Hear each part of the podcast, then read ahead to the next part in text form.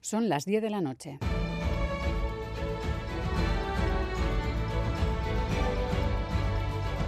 Radio Euskadi y Radio Vitoria. Servicios informativos.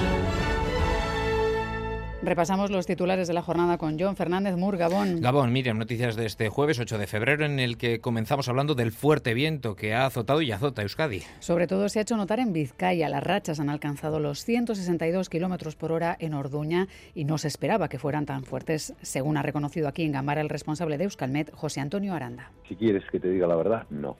Eh, realmente pensábamos que íbamos a tener alguna racha en zonas expuestas, especialmente Orduña, especialmente la Cerroja, en Carranza, zonas muy expuestas, muy altas, en las que podríamos andar por 130, 140 kilómetros por hora, pero ha, pasado de ahí hasta incluso a 162, que es el punto eh, que más hemos medido y el viento ha provocado más de 400 incidencias en Euskadi. La que más preocupa hasta ahora un incendio en Ciervena, en la zona de Punta Lucero. Allí trabajan tratando de extinguir el fuego dos parques de bomberos completos, así como un retén forestal. En Santurci, el vendaval se ha llevado buena parte de la cubierta de la grada del campo de fútbol San Jorge en Cabieces. Carmele Tubilla, alcaldesa. Por seguridad, porque todavía queda otra parte de, de lo que es la Tejabana, vamos a desalojar toda la, toda la calle para que no haya ningún problema.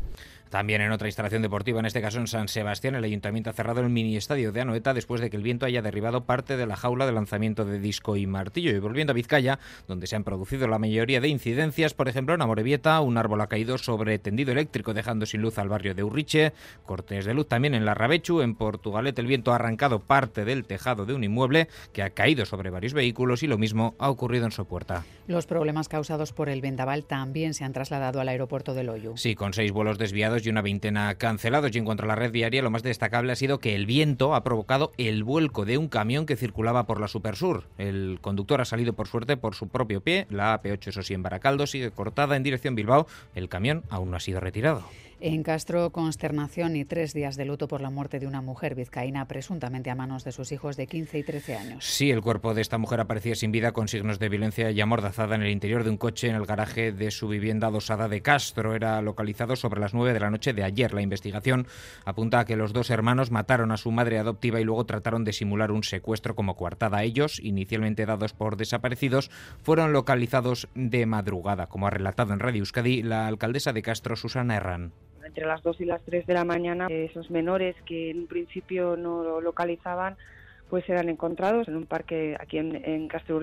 El juzgado de guardia de menores ha acordado a petición de la Fiscalía el internamiento en régimen cerrado durante seis meses para el hijo mayor, que tiene 15 años. El de 13 es inimputable, ha ingresado en un centro de protección de menores. Los vecinos están completamente conmocionados por lo que sucedía. Silvia y su familia solían frecuentar la parroquia del Sagrado Corazón, donde ella era catequista. Quienes los conocían no dan crédito.